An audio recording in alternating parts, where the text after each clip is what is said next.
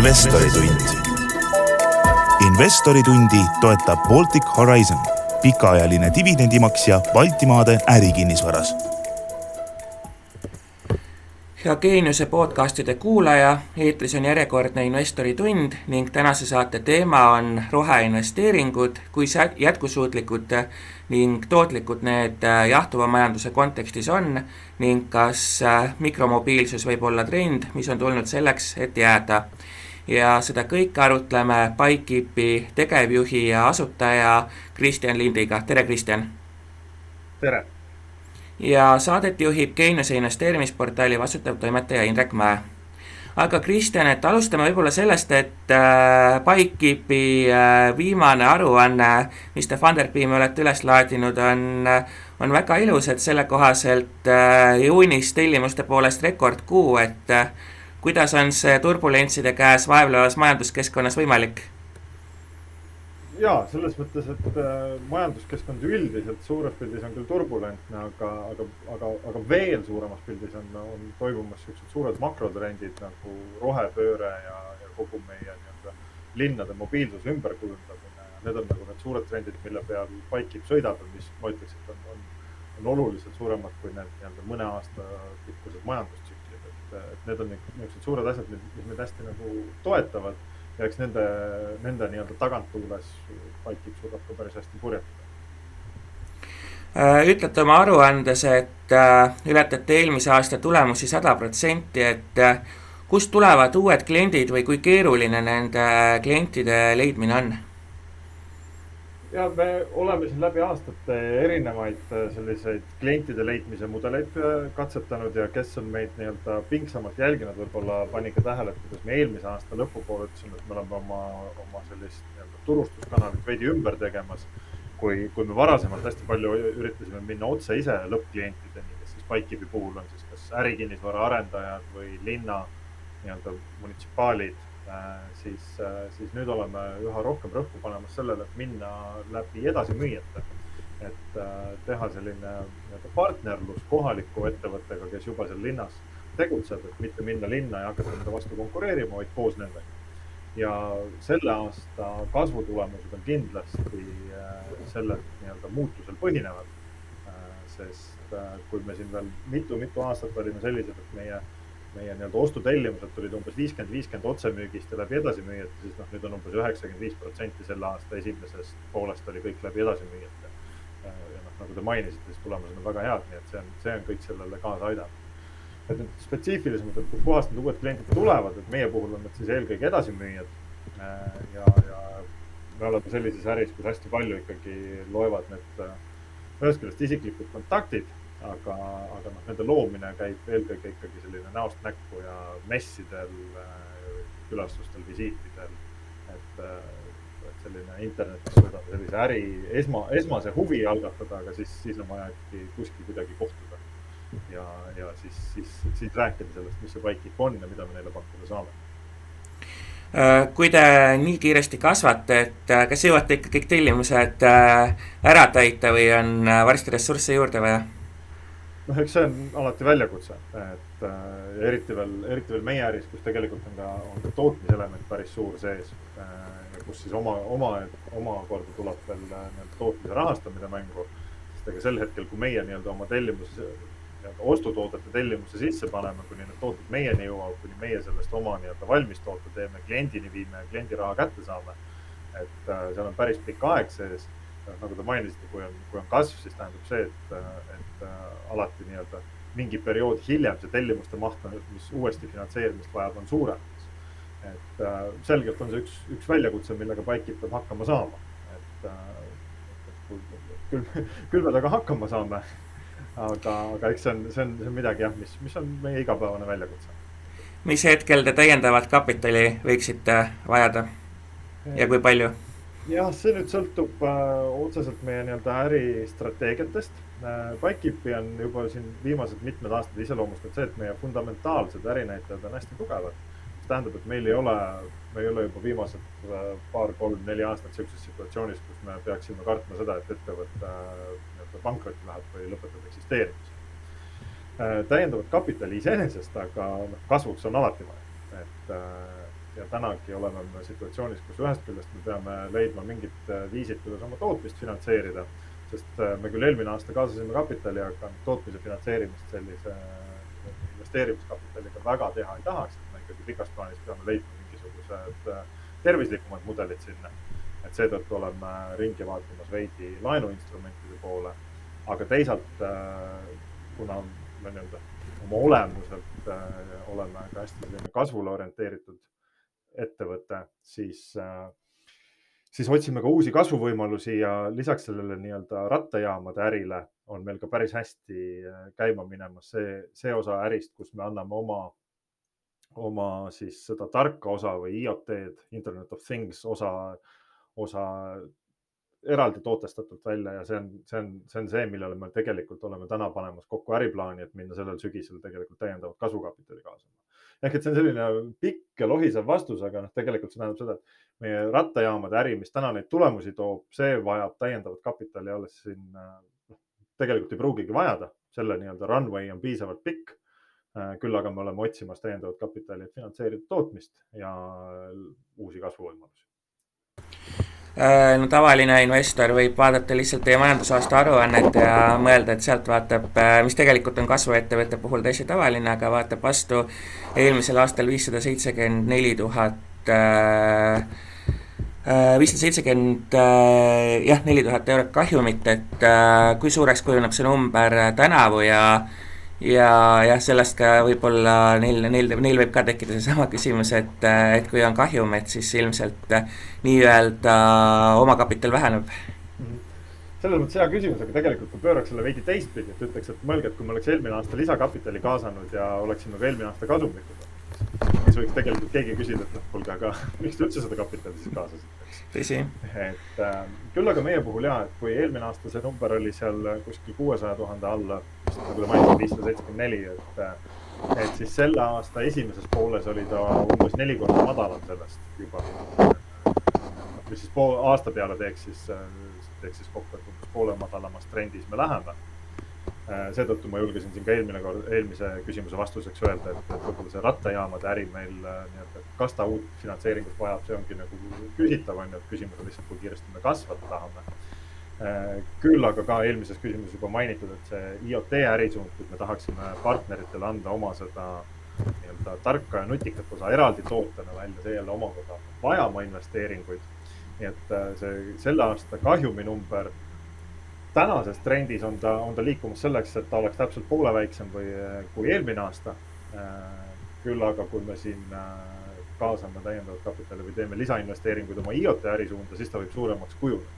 kui palju me sinna IoT ärisuunda nüüd täpselt investeerime ja palju nendest investeeringutest me see aasta teha jõuame, see on nüüd siin pigem äh, lähiaja küsimus, kui me need plaanid tahaks lukku saada. aga noh, tegelikult on selge see, et me oleme sinna juurde investeerimas Äh, sest, äh, sest äh, juba siuksed käegakatsutavad võimalused on, on, on, on, on olemas. kuidas te iduettevõtjana tänast kapitaliturgu üleüldse tunnetate, et kas raha kaasamine on muutunud keerulisemaks kui veel võib-olla aasta tagasi või kas täna on üldse hea aeg kapitali kaasata ja kas see võib olla risk, et hetkel, mil iduettevõtetel on vaja täiendavat kapitali, et siis selle kaasamine on kas raske kui mitte võimatu? Sõltub, mis perioodiga võrrelda, võrreldes aasta tagusega kindlasti oluliselt raskem. et äh, kogu, äh, kogu sentiment turul on oluliselt pessimistlikum ja eks iduettevõtted ju hästi palju tuleviku peale panustavad, et räägivad, et mis kõik tulevik äh, olla saab ja, ja kuidas me sinna jõuame. et selgelt on sentiment pessimistlikum, aga, aga me oleme hoidnud nagu kogu aeg sellist põhimõtet, et kui, kui ettevõtte fundamentaalnäitajad on tugevad, siis see kahtlemata on võimalik ma ka täna ei kahtle selles, et Bike'ibil nagu uue raha kaasamine ei oleks võimalik. Ta oleks kindlasti aasta tagasi olnud lihtsam, aga, aga see meid täna ei heiduta, pigem oleme me aasta jooksul vahepeal veel suuremaks ja tugevamaks saanud ja, ja see on, see on tehtav, eks. et tuleb lihtsalt leida need investorid, kes, kes parasjagu ettevõtte faasile, faasile sobivad ja kes täna on ka investeerimisvõimelised et äh, paljud on äh, nii-öelda selles nii-öelda makrotrendide hirmus ka teatavad investeeringud peatanud. noh, eks selgelt sealt ei saa, aga tuleb lihtsalt enda, endale sobivad üles leida. rohkem tuleb tööd teha, aga seda me ei pelga kas äh, ka see võib juhtuda, et head ettevõtet nagu Bikekeep saab lihtsalt äh, võib-olla märkida ühel hetkel odavamalt kui varasemalt, lihtsalt sellepärast, et turg on selline? jaa, kindlasti selles mõttes, et ma arvan, et Bikekeepi puhul nüüd, et noh, kas, kas seda saab odavamalt kui eelmine aasta, kui me raha kaasasime, sellesse ma ei usu, sest vahepeal on lihtsalt ettevõte nii palju edasi arenenud. küll aga kindlasti see kordaja on, on nii-öelda siis investori sõbralikum, eks sest eks, eks see on iduettevõtete puhul selles mõttes loogiline, sest iduettevõtted ju lähevadki müüma nii-öelda tulevikku ja kui investorid saavad näha, et seal lühiplaanis see tulevik on, on nii-öelda makromajanduslikust seisukohast negatiivsem, siis, siis peab ka see nii-öelda tulevikuvaade või hin-, hinnasilt olema, olema selle võrra natuke madalam. see on, see on mingis mõttes paratamatu, et see nii-öelda ettevõtete väärtused saavad äh,, on veidi madalamad, kui, kui turusentiment on negatiivsem aga, aga noh, selle vastukaaluks jälle Pikekeepi puhul käib ettevõtte areng ja, ja mis me vahepeal oleme, kuidas me vahepeal oleme muutunud, nii et, nii et noh, kindlasti Pikekeepi väärtus ei saa olema madalam, kui see oli eelmises äh, investeerimisvoorus äh,. küll aga ta kindlasti jällegi on madalam, kui ta oleks võinud olla samade näitajate puhul aasta tagasi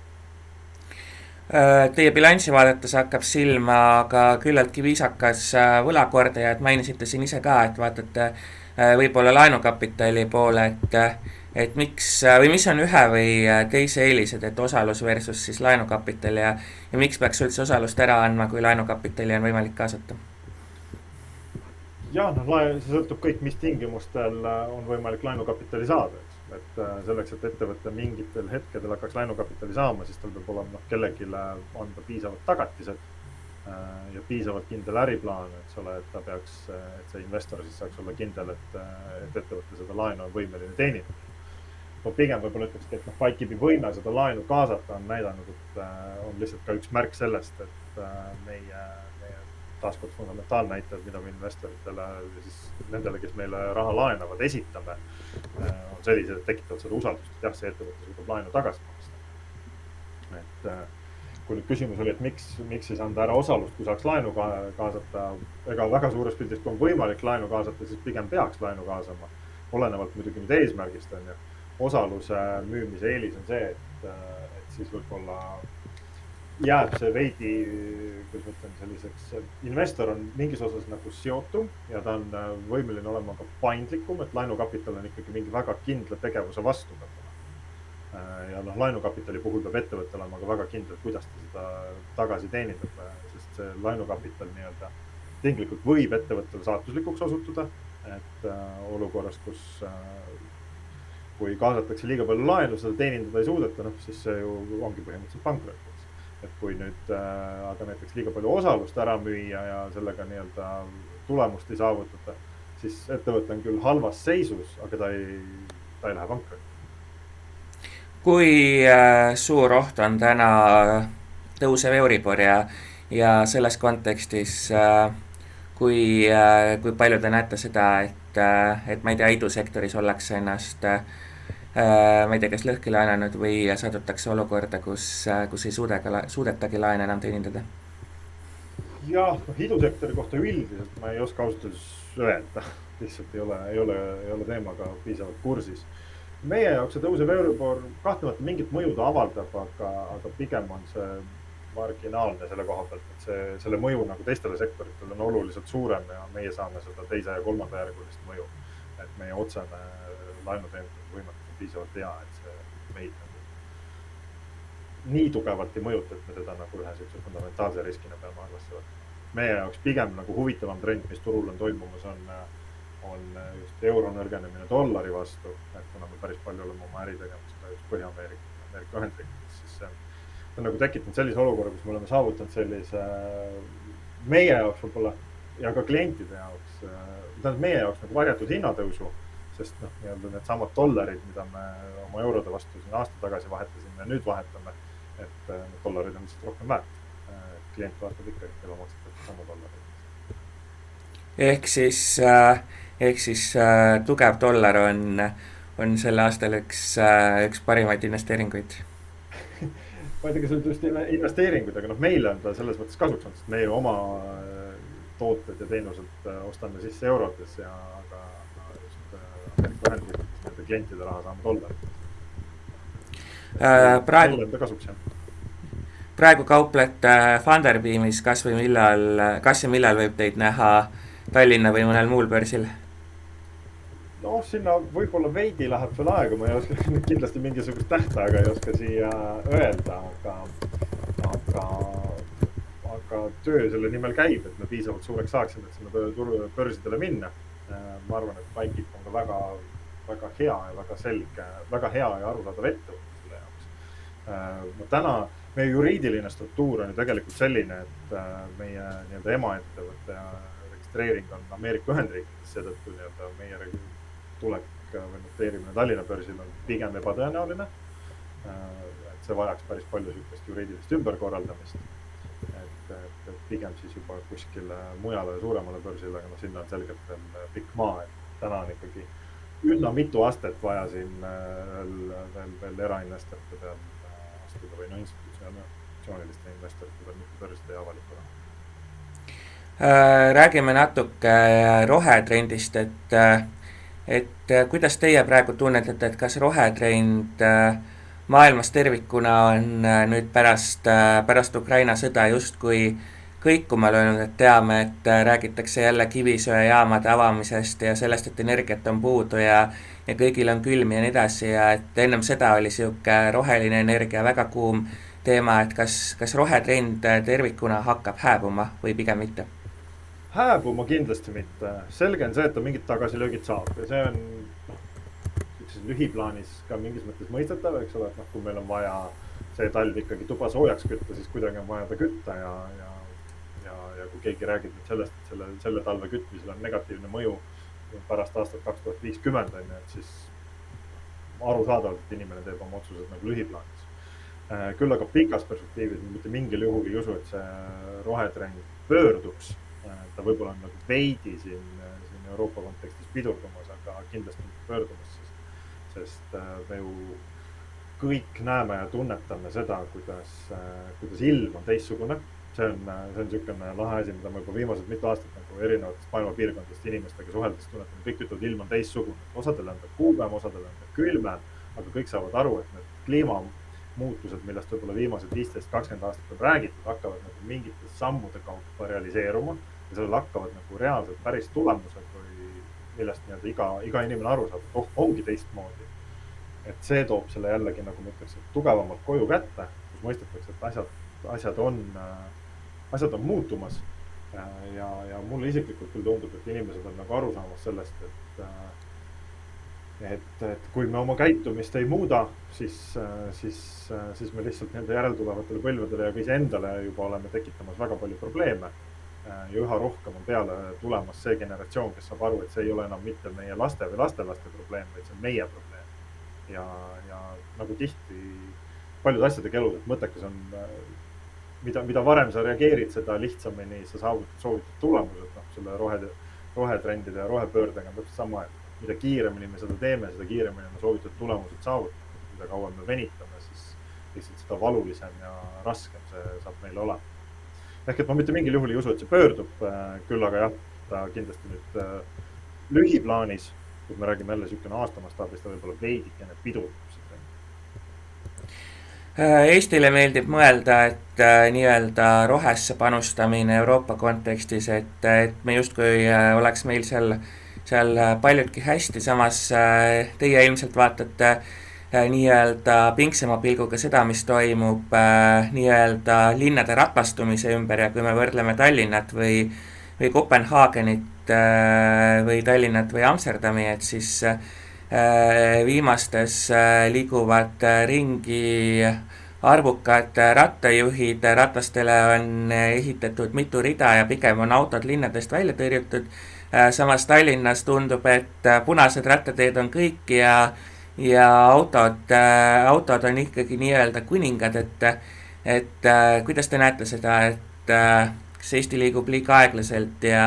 ja kas Eestil on üldse lootust jõuda Kopenhaagenile või Amsterdamile näiteks järele või, või miks mitte ka teistele Põhjamaadele? alustan siis võib-olla positiivsemalt, et kindlasti on lootust eks et äh, kakskümmend aastat tagasi või, või isegi rohkem tundus, tundus ulmeline jõuda kunagi Soomele järele, eks ole. Täna me vist veel päris järgi ei ole jõudnud, aga täna nagu ei tundu enam kohaldatud see võrdlus äh, nii-öelda elatussoomega. et äh, küll aga just siis elukeskkonnas ja linnakeskkonnas me oleme, oleme võib-olla nüüd sama palju küll maha jäänud eesrindlikumatest linnadest. et, et hämmastaval kombel, kui niisugune tehnoloogialembus Eestis on olnud väga suur, siis, siis teatavad trendid me nii-öelda magame küll maha, et, et see kuna ma ise hästi palju just selle linnaliikluse peale mõtlen, siis, siis, äh, siis eks ma neid asju märkangi rohkem, onju. ja noh, ega see autolembus eestlastel, ma ei oskagi öelda, võib-olla on see natukene ikkagi ka tuleneb sellest, kuidas nõukogude ajal oli seda hästi raske oli autot saada ja üheksakümnendatel see auto oli ikkagi, oligi staatuse sümbol ja, ja kõik seda väga tahtsid saada, et siis eks see, eks see pärand on veel sees hinges sügaval, aga, aga mida nooremad või noh, mida uuemad generatsioonid peale tulevad, siis siis seda, seda teisiti nad mõtlevad ja seda globaalselt nad mõtlevad, eks. ja saavad aru, et, et, linnakeskkond tegelikult äh, peab olema inimest toetav. Ja, ja, ja seetõttu ma jällegi, see, ma ei kahtle, et me lõpuks sinna jõuame, et, et kõik linnad hakkavad muutuma järjest, järjest selliseks paremaks elukeskkonnaks. Selle koha pealt, nad ei tohi olla inimesed vaimsele ega füüsilisele tervisele kahjulikud see tähendab jalakäijalembust, see tähendab äh, jalgrattaliikumist, kõik, mis on selline madal füüsilise koormusega igapäevane liikumine.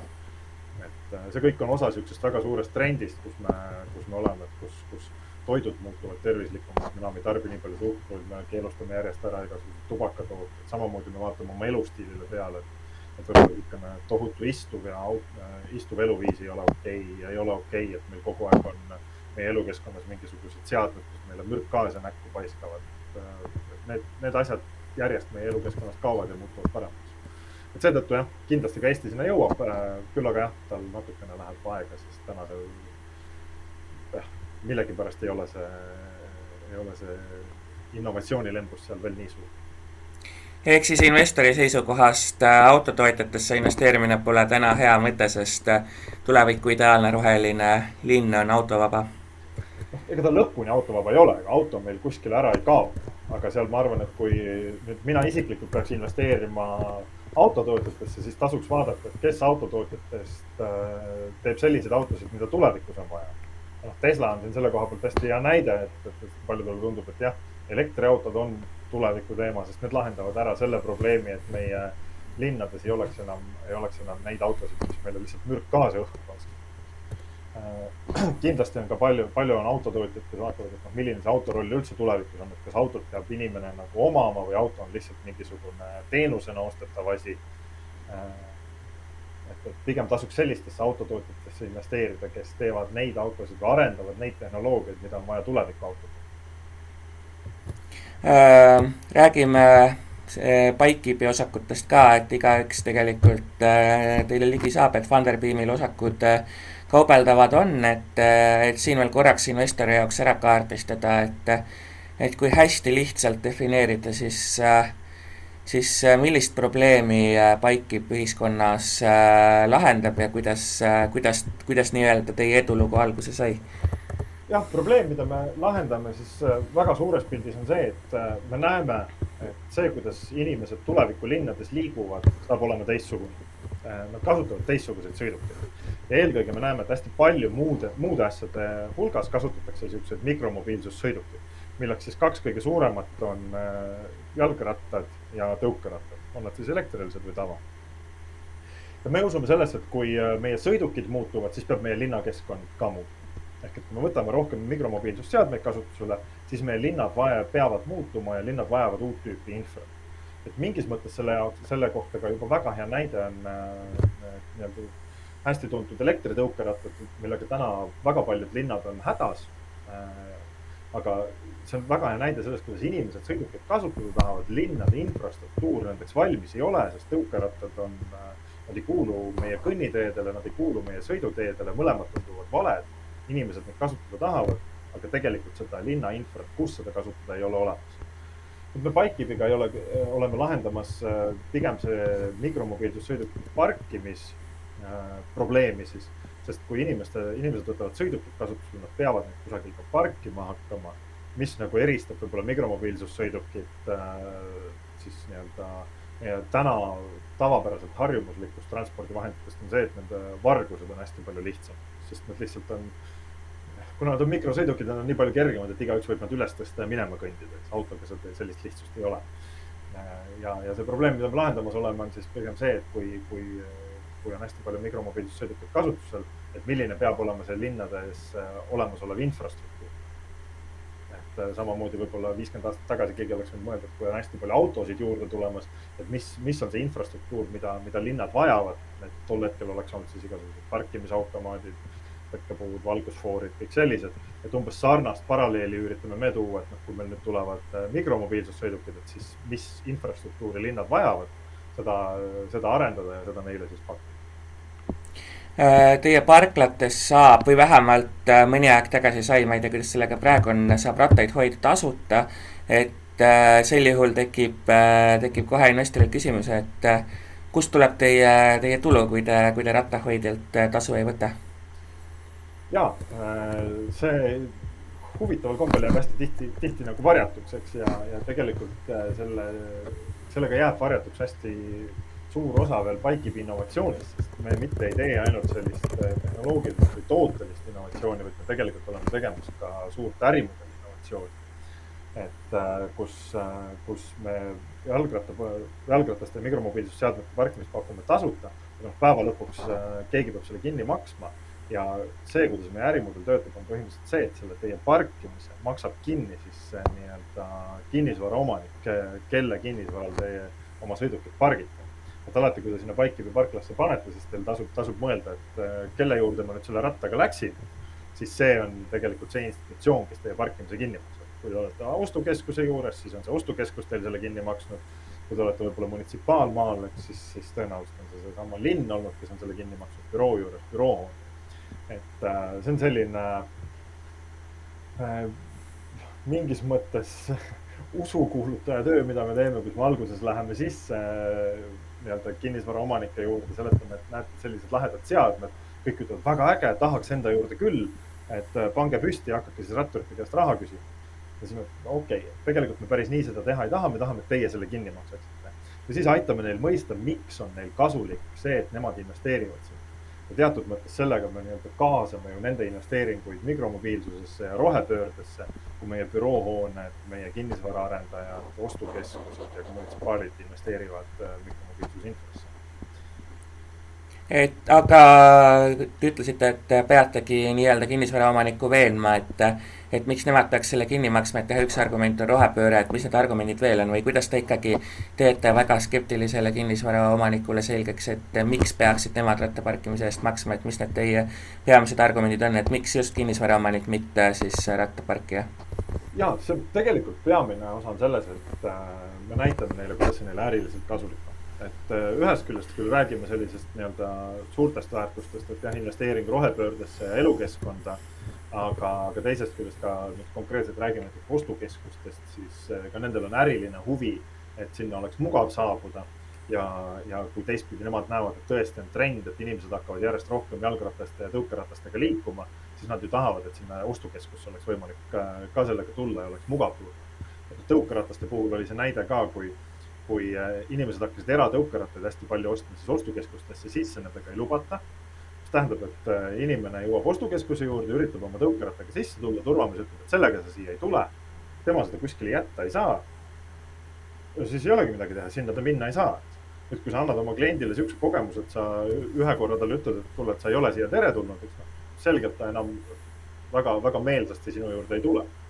pigem nagu ostukeskused saavad aru, et oi, et tegelikult peaks looma tingimused, et minu juurde oleks mugav saada.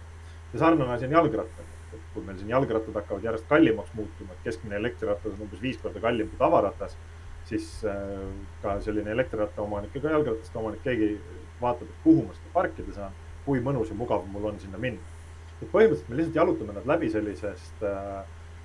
äh, loogikast, miks on neile majanduslikult mõttekas sinna investeerida äh, toetume, selle kohta tegelikult on hästi palju igasuguseid uuringuid tehtud ja see, see lihtsalt ei ole nii otsene, et see rattur tuleb, pargib ja annab selle raha, vaid ta pigem tuleb, pargib ja siis läheb, kulutab selle raha nii-öelda ostukeskuse haldaja kliendi juures, kes siis jälle tema, temale maksab. aga, aga läbi selliste loogikate me neile seda seletame ja noh, sarnaselt munitsipaalidele teeme selgeks, miks nendele on see kasulik, sarnaselt büroohoonetele, miks neile on see kasulik, et seal kõikidel on natukene erinevad nurgad, miks neile on see kasulik. aga päeva lõpuks me ikkagi noh, teeme neile selgeks, miks on neile majanduslikult mõttekas sinna investeerida palju teil täna nii-öelda neid maksvaid kliente siis on ja kes on nii-öelda võib-olla, võib-olla suuremad või, või kuulsamad ja teisalt, äh, kui suur on nõudlus täna teie näiteks parklate järele, et kui palju teie parklaid äh, igapäevaselt kasutab rattureid? ja meie noh, Bike'ivi kogu klientide arv tegelikult midagi väga suurt ei ole, sest meie, meil on pigem on üksikud kliendid, kes iseenesest võivad kasvada suureks. ma niimoodi siukse kõhutunde pealt ütlen, et see maksvate klientide arv on seal võib-olla saja viiekümne, kahesaja vahel.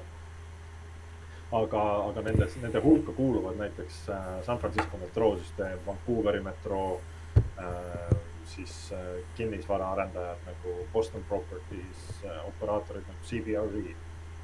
ehk et väga siuksed suured ja tuntud nimed, muuhulgas ka munitsipaalid, Tallinna linn, City of Cupertino Californias, Reykjavik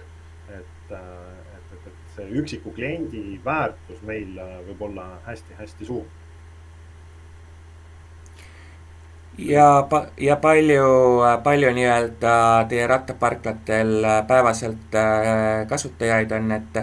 et kas äh, nõudlus on pigem suurem kui pakkumine või, või vastupidi? see sõltub äh, asukohtadest hästi palju, sest see on päeva lõpuks on ta niisugune sarnane parkimisäri, et äh, meil on asukohti, kus, äh, kus nõudlus on väga suur. meil on isegi ka enam, ülisuures osas meie parkimine on igal pool tasuta, aga näiteks Vancouveris on see, kus on parkimine on tasuline just, just tänu sellele, et oleks nagu mingisugune nõudluskontroll peal. et seal on, seal on kasutajad saavad omale nii-öelda parkimiskohti ette broneerida ja maksavad ka mingisuguseid väikseid kuupileteid küll aga ka seal nii-öelda munitsipaal ikkagi mingil määral veel subsideerib kogu seda asja, aga jah, ka mingit, mingit osa ta korjab inimeste käest. kogumahtudes me teeme sellel aastal umbes üle kahesaja viiekümne tuhande parkimise. Äh, ja, ja et, et, et kogumahtudes Äh, kui äh, nüüd äh, mainisite, et nii-öelda avaliku sektori hulgas on ka teie kliente, et teame, et täna on inflatsiooniline keskkond, et kuida-, kui lihtne on näiteks avaliku sektoriga kokkuleppele saada, et, et tõstame nüüd hinda, sellepärast et et ma ei tea, kõik hinnad tõusevad ja et, et teil on ka vaja lõpuks ju nii-öelda edasi kanda see hinnatõus, et teie kulud tõusevad ja nii edasi, et et kui lihtne on avaliku sektoriga üldse selliseid läbirääkimisi pidada? seda on võimalik pidada ainult äh, edasivaatavates lepingutes, et kõik, mis tänaseks sõlmitud, seda tuleb teenindada nii nagu, nii nagu ta sõlmitud on. küll aga see on, see on üks niisugune tsitaat, kus mind siin hiljuti ka just nii-öelda kontekstist hästi tugevalt välja rebiti. aga äh, kus, kus ma ütlesin, et jah, seda on, on võimalik edasi kanda, aga seda on jah, eda-, ettevaatavatel lepingutel, et äh, täna nagu küsimuse iseloom ütleb, et kõik saavad sellest inflatsioonilisest keskkonnast aru. ja täna, täna nagu seda, et miks meie tule, uued lepingud, mis me sõlmime, on hoopis teiste hindadega kui eelmised, selle, selle eest inimesed saavad aru, jah. et ja täna tegelikult pigem, see on üleüldine trend tegelikult kogu, kogu võib-olla ehitussektoris, kus kus hakatakse ehitushindasid fikseerima, indekseerima, on see siis nii-öelda mingisuguste sisseostuhindade järgi või on see siis inflatsiooni näitajate järgi. et ka meie ärisse on see jõudnud, kus kuna, kuna tegemist on vahel hästi pikaajaliste lepingutega, et teatud, teatud, teatud projektid kestavad, et noh, kolm, üle kolme aasta tuleb neid asju deliver dada aru,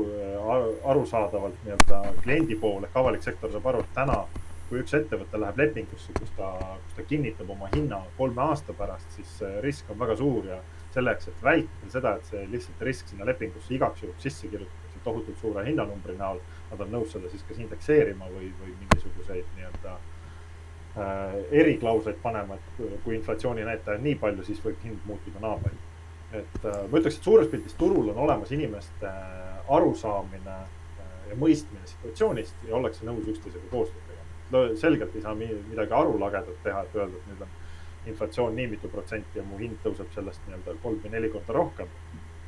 Aga, aga kui see loogiliselt neile ära põhjendada, siis mõistmine on kindlasti turul olemas. jalgrattaga sõitmise hooaeg on,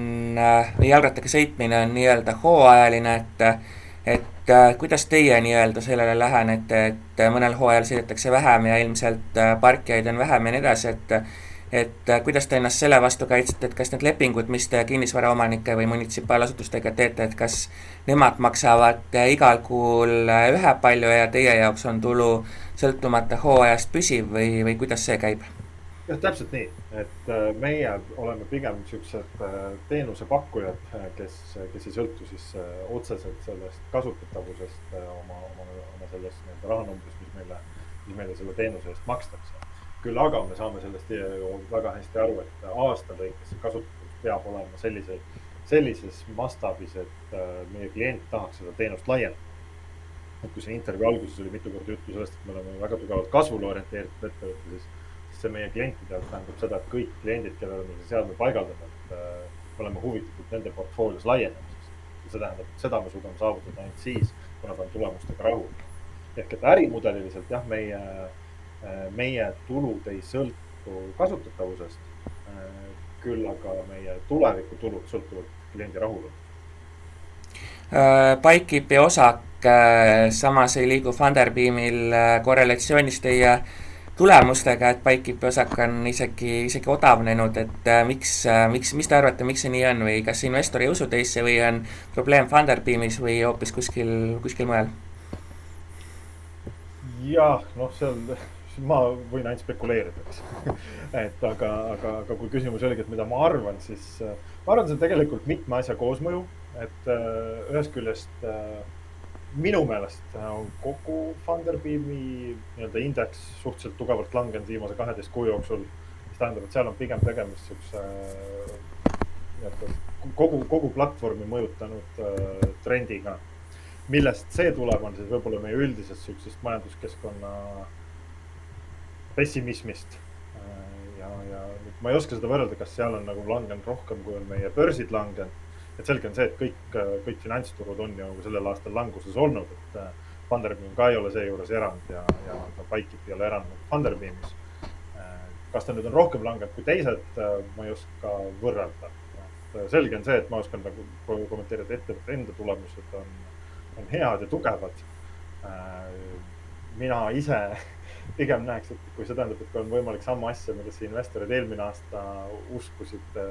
mis on vahepeal tugevamaks saanud, osta odavamalt, siis äh, kõlab nagu ostuvõimaluseks.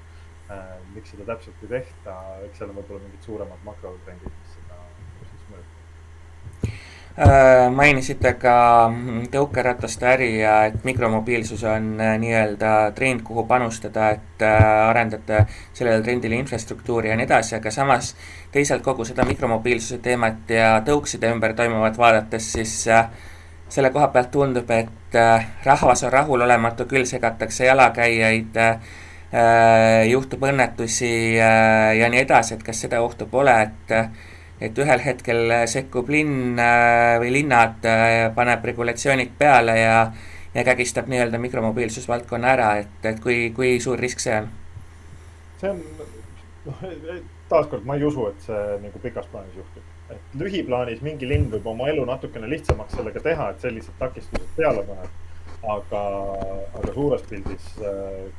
tegelikult, mida linnad äh, peavad hakkama tegema ja hakkavad tegema, on see, et nad ehitavad äh, oma keskkonnad mikromobiilsusele, mikromobiilsust toetavaks. et täna on jah, see lihtsalt inimesed on sõidukid võtnud kasutusele kiiremini, kui linn jõuab linnakeskkonda arendada ja see on okei. Okay.. sarnast asja juhtub ka autodega, et noh, autosid tekib rohkem ja selle võrra siis laiendatakse teid, eks. Et äh, täna pigem see probleem on jah selles olnud, et äh, linnad siis ei oska kuidagi muud moodi käituda, kui hakkavad siis keelama, sest see annab, annab natukene sihukest hõlpu ja hingamisruumi, et päriselt plaanida ja võib-olla hakata seda mõtlema, mida tegelikult ehitada oleks vaja.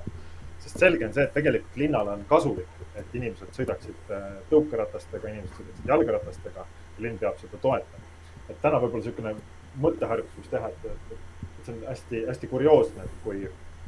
tõukeratastega on siin probleeme, et sõidetakse kas purjus peaga või pargitakse valesti, siis äh, lahendatakse seda niimoodi, et keelame tõukerattad ära. Samas, kui autoga sõidetakse purjus peaga või autoga pargitakse valesti või ületatakse kiirust, siis näidake mulle seda linna, kes julgeb välja pakkuda, et aga keelame autod ära. siis saadakse aru, et see on ju tegelikult mitte sõidukist tulenev probleem, vaid see sõiduki juhist tulenev probleem ja me peame käituma ja me peame, peame reguleerima sõiduki juhte.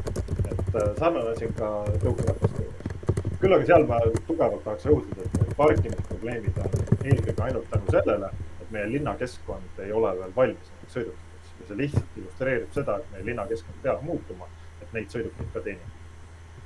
Äh, samas regulatsioonide peale vaadates siis teisest küljest äh, tundub see olevat ka nii-öelda äh, teenimisvõimalus, et vaatame kas või siin Bolti näidet, kes piiras oma tõukside kiiruse reede ja laupäeva õhtuti kahekümne viielt seitsmeteistkümnele, et sisuliselt see tähendab, et sama pikka teed saab nüüd kolmkümmend kaks protsenti aeglasemalt läbida, ehk siis minuti, minutipõhise hinnastamise juures on justkui varjatud hinnatõus kolmkümmend kaks protsenti, et et äh, kuidas teie sellisesse äh, nii-öelda, ma ei tea, kas seda skeemiks võib nimetada, aga nii-öelda linnasüüks äh, aetud hindade tõusu suhtute? väga, väga lahe mõttekäik ma ei olnudki tegelikult nii mõelnud. jah, aga seal on, ma,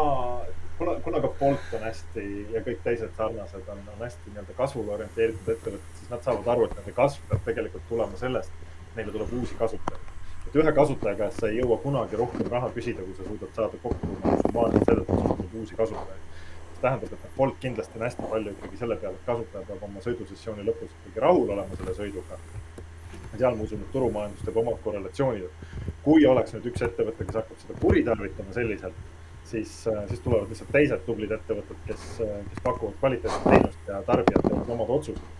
täna nagu see pigem on reageering siis sellele, et kuidagigi seda teenust äh, linnakeskkonnas äh, hoida, selleks et võib-olla mitte linna käest täielikku keeldu saada. Äh, ehk et veidi sarnane sellele eelmise vastusele, ma arvan, see on ajutine. ma mitte mingil juhul ei usu, et Bolt seda tegi selle jaoks, et nii-öelda rohkem teenida. vaid see pigem on selleks, et leida siis selline balanss linnakeskkonnas, et problemaatilisi kohti oleks võimalikult vähe, sest linnakeskkondasid iseloomustab see asi, et, et, et, et need on vaja kujundada kõigile. et need peavad olema kõiki hõlmavad, kõiki haaravad. et kui siin tõuksi sõitjad tahaksid kahtlemata sõita nii sõiduteel kui kõnniteel ja sõita väga-väga kiiresti, siis tuleb arvesse võtta ka neid inimesi, keda see tegevus häirib, segab ja kellele see riske põhjustab. ja tuleb leida selline balanss, mis siis võimaldab nii-öelda hundit äh, söönud lambad terveks loogika. et ma pigem arvan, et see on seal ja ma arvan, see on hästi ajutine et äh, tulevikus kindlasti on olemas äh, eraldi teed, kus saab sõita. Tulevikus kindlasti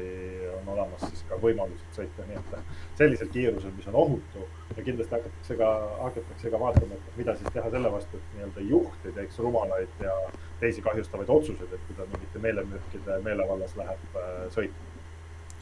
aga kuidas teie vaatate nii-öelda mõistlikku hinnastamismudelit, et sel juhul, kui kiirus ikkagi äh, sellepärast, et see, et nii-öelda no päriselt tahetakse äh, mitte keeldu saada ja nii edasi, et kui kiirus alla tuleb, et kas hinnastatus ei võiks olla kilomeetripõhine või siis koos sellega ka minutipõhise hind, minutipõhine hind kolmkümmend kaks protsenti langeda, et lihtsalt sellist muljetki ei jääks, et siis nii-öelda ei ole, ei ole turult põhjust ka kliendile otsida teist, teist teenusepakkujat, et, et kuidas teie hinnastaksite sellise teenuse?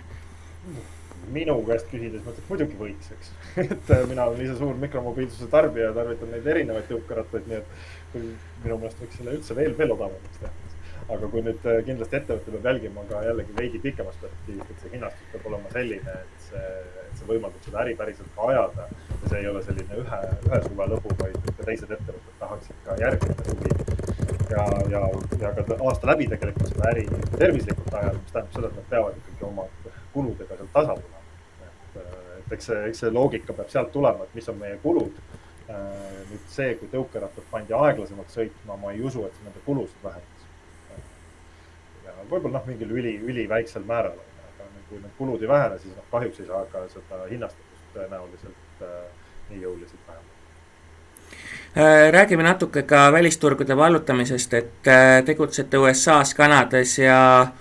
Uus-Meremaal, et miks just äh, need turud, samas kui äh, rohetrend võtab äh, väga tugevalt ka Euroopa linnadesse või just, et miks, miks olete just Euroopast väljaspool otsustanud vaadata?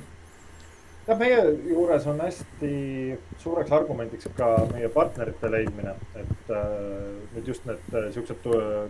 eksootilisemad turud võib-olla nagu Uus-Meremaa ja äh,, ja, ja Kanada, et need on nagu äh, koostöös selliste tugevate partneritega, kes on sealt koha pealt leitud. USA oli meil kunagi endal selline strateegiline valik, et kui, kui me tundsime, et meil on mahtu nagu võimekust nagu ühele turule minna, siis, siis lihtsalt kiire võrdlus siin võib-olla, võib-olla Rootsi, Taani ja mis meil siin lähedal on versus USA. et noh, kahtlemata tundub mingi Holland hästi, hästi rattasõbralik, sest on rattureid nii palju aga noh, ma arvan, ma ei üllata kedagi, kui ma ütlen, et summaarselt tegelikult on USA-s ratturid, lihtsalt nad on lihtsalt nii palju haja, hajadid kui, kui Holland, sest seal on lihtsalt nii palju rohkem inimesi. et äh, see oli põhjus, miks me USA turu valisime, teised turud on tulnud, eks ta ongi partneri valikus ja kahtlemata ka partneri valikus on mingis, äh, mingis mõttes saab otsustavaks äh, asjaolu, et kõik mainitud turud, varem või vähem on ingliskeelsed turud. Need on turud, kus meil on võimalik nii partneritega kui klientidega hästi mitmedimensioonilised suhed. et ei ole ainult nii-öelda meie müügiinimene ja nende müügiinimene, vaid me suudame laiemalt nende ettevõtetega, partneritega suhelda. kui siin näiteks noh, Prantsuse turul tundub, tundub hästi triviaalne probleem, eks ju. Aga, aga kui Prantsuse ettevõttega koostööd teha, siis juhised, asjad peavad olema prantsuse keeles, me peame olema võimelised suhtlema nende võib-olla tehnikutega prantsuse keeles, nende inseneridele andma oma tuge prantsuse keeles, sest hoolimata sellest, et meil mõned inimesed ettevõttes loomulikult on, kes inglise keelt väga hästi valdavad, nemad on harjunud oma informatsiooni tarbima prantsuse keeles, nende klient Prantsuse turul tahab informatsiooni prantsuse keeles ja see seab ikkagi teatavad lisabarjäärid. Bike'ibi puhul tegemist ikkagi on siiski väikese ettevõttega, kes, kes peab vaatama, mis on see meie ressurss ja niisugune skaleeruvus võib-olla ingliskeelsetel turgudel selle võrra on, on, on parem ja seal me oleme oma sellise, sellise traction inglise keeles leidnud kuidas üldse uuele turule sisenemise äh, protsess äh, käib, et kirjeldage seda veidi, et vaatate, et et tundub nagu teile sobiv turg, et kuidas see partnerite leidmine algab või kui keeruline see on, millega kindlasti arvestama peab ja nii edasi? Meie sektoris on äh, iseloomustav see, et need müügitsüklid on tohutult pikad. selleks, et munitsipaal ikkagi mingisuguses korralikus arvestuslikus mahus hanke korraldaks äh, mingisugusele uudsele teenusele, nagu on paika pakkumas, siis see tsükkel on päris pikk, millal see munitsipaal tuleb ära veenda, millal nad oma hanke läbi viivad ja millal lõpuks meie nii-öelda siis äh, tellimused algavad. mis, äh, mis mis iseenesest meie jaoks tähendab seda, et, et, et tuleb olla valmis seal turul olema kannatlik, tuleb valida need turud õigesti. aga, aga meie jaoks, nagu siin mainitud, et kõige kriitilisem võib-olla faktor ongi just see, et kes on see, võtaks kahe faktori koostöö, et üks on see, et mis on see, kes on see partner seal turul, kes on nõus äh, meiega koostööd tegema, et meie, meie teenuse sisse aidata. ja teine on siis see, et mis on selle nii-öelda kohaliku linna valmidus siukseid tooteid ja teenuseid osta.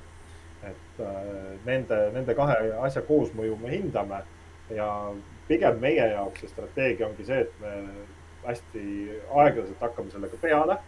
et kui sealt tekibki mingisugune uus partner, siis, siis kõigepealt nii-öelda õpime teda, teda tundma. Äh, kas tema on see, kellega sinna turule minna. Äh, mõistame, mis on see kohalik turusituatsioon ja seda nii-öelda ajalooliselt oleme seda vaik-, niimoodi vaikselt üles keerinud. täna, sellel aastal on meil õnnestunud küll ka mitmed mudelid, kus me oleme saanud nii-öelda partnerid äh, kohe ka rahaliselt äh, panustama turu arengusse. ehk et kus meie partner ütleb, et jah, ma usun, ma näen, et teie toode ja teenus on selline, mis minu linna nii hästi sobib, et ma olen nõus nii-öelda selle esimese perioodi teil nii-öelda finantsiliselt ära garanteerima. et lähme ja teeme seda kohe suurelt ja, ja, ja võimsalt ja lõpetuseks, et äh, seda juttu kõike kokku võttes, et äh,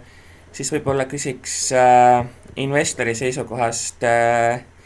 niipidi, et äh, kui nüüd äh, keegi mõtleb, et kas äh, Bikekeepi investeerida või mitte või osakuid osta, et siis äkki te ütleksite talle ühe kõige suurema Bikekeepiga seonduva võimaluse ja vastupidi ka ühe kõige suurema riski risk kindlasti Bikekeepis on see mainitud müügitsüklite pikkus. et äh, Bikekeepi ei saa võib-olla võrrelda selliste äh, klassikaliste tarkvaraäridega või, või tarbijatele suunatud äridega. et kiiruse poolest. aga see kõige suurem võimalus tuleb võib-olla täpselt sellest samast asjast siis vastukaaluks. et kui me mõtleme, kuidas üks linn oma infrastruktuuri arendab, siis kui ta on millegagi alustanud siis, äh, siis, äh, siis seda nii-öelda poole pealt teiseks teenuseks muuta on üpris keeruline. et võib-olla siin, kui kuulajate seas on enamasti selgelt Eestit ja Tallinnat mõistev keskkond, siis äh, täna mõelda, et äh, küsida investori perspektiivist, et kas te oleksite nõus investeerima ühte uude ettevõttesse, mis ei ole Bikeip, aga tahab hakata nutikat mikromobiilsusparkimist arendama Tallinnas. noh, see küll hea mõte ei tundu, sest tegelikult on juba linn ja kinnisvaraarendajad on millegagi liikuma hakanud ja igaüks saab aru, et palju mõistlikum on paigaldada Bikeipi parkla, mis juba tegelikult teenindab, ühitub kogu selle suure network'iga, kui hakata ise mingi konkureeriva asjaga siin Tallinnas peale tegelikult sarnast asja oleme me tegemas kõikidel eelpool mainitud turgudel, kus me seal linnas hakkame vaikselt seda võrgustikku ehitama ja meie nii-öelda ülesanne on jõuda sellesse punkti siis, kus see kaalukauss langeb sinnamaale, nagu me oleme juba täna Tallinnas, et ei ole mõistlik midagi muud enam teha. Ehk et see võimalus investorile on siis see, siinjuures see, et see on hästi selline kestlik ja jätkuv äri mis, mis siis ületab igasugused trendid, nagu ma siin varem mainisin, et jah, et majanduslangused võib-olla kestavad siin ainult üks-kaks aastat, aga linn ju oma keskkonda arendab ikkagi aastakümneid. selge, aga suured tänud äh, Bikekeepi asutaja ja juht äh, Kristjan Lind äh, täna selle intervjuu eest ning investori tund on eetris taas nädala pärast, kuulmiseni. aitäh kutsumast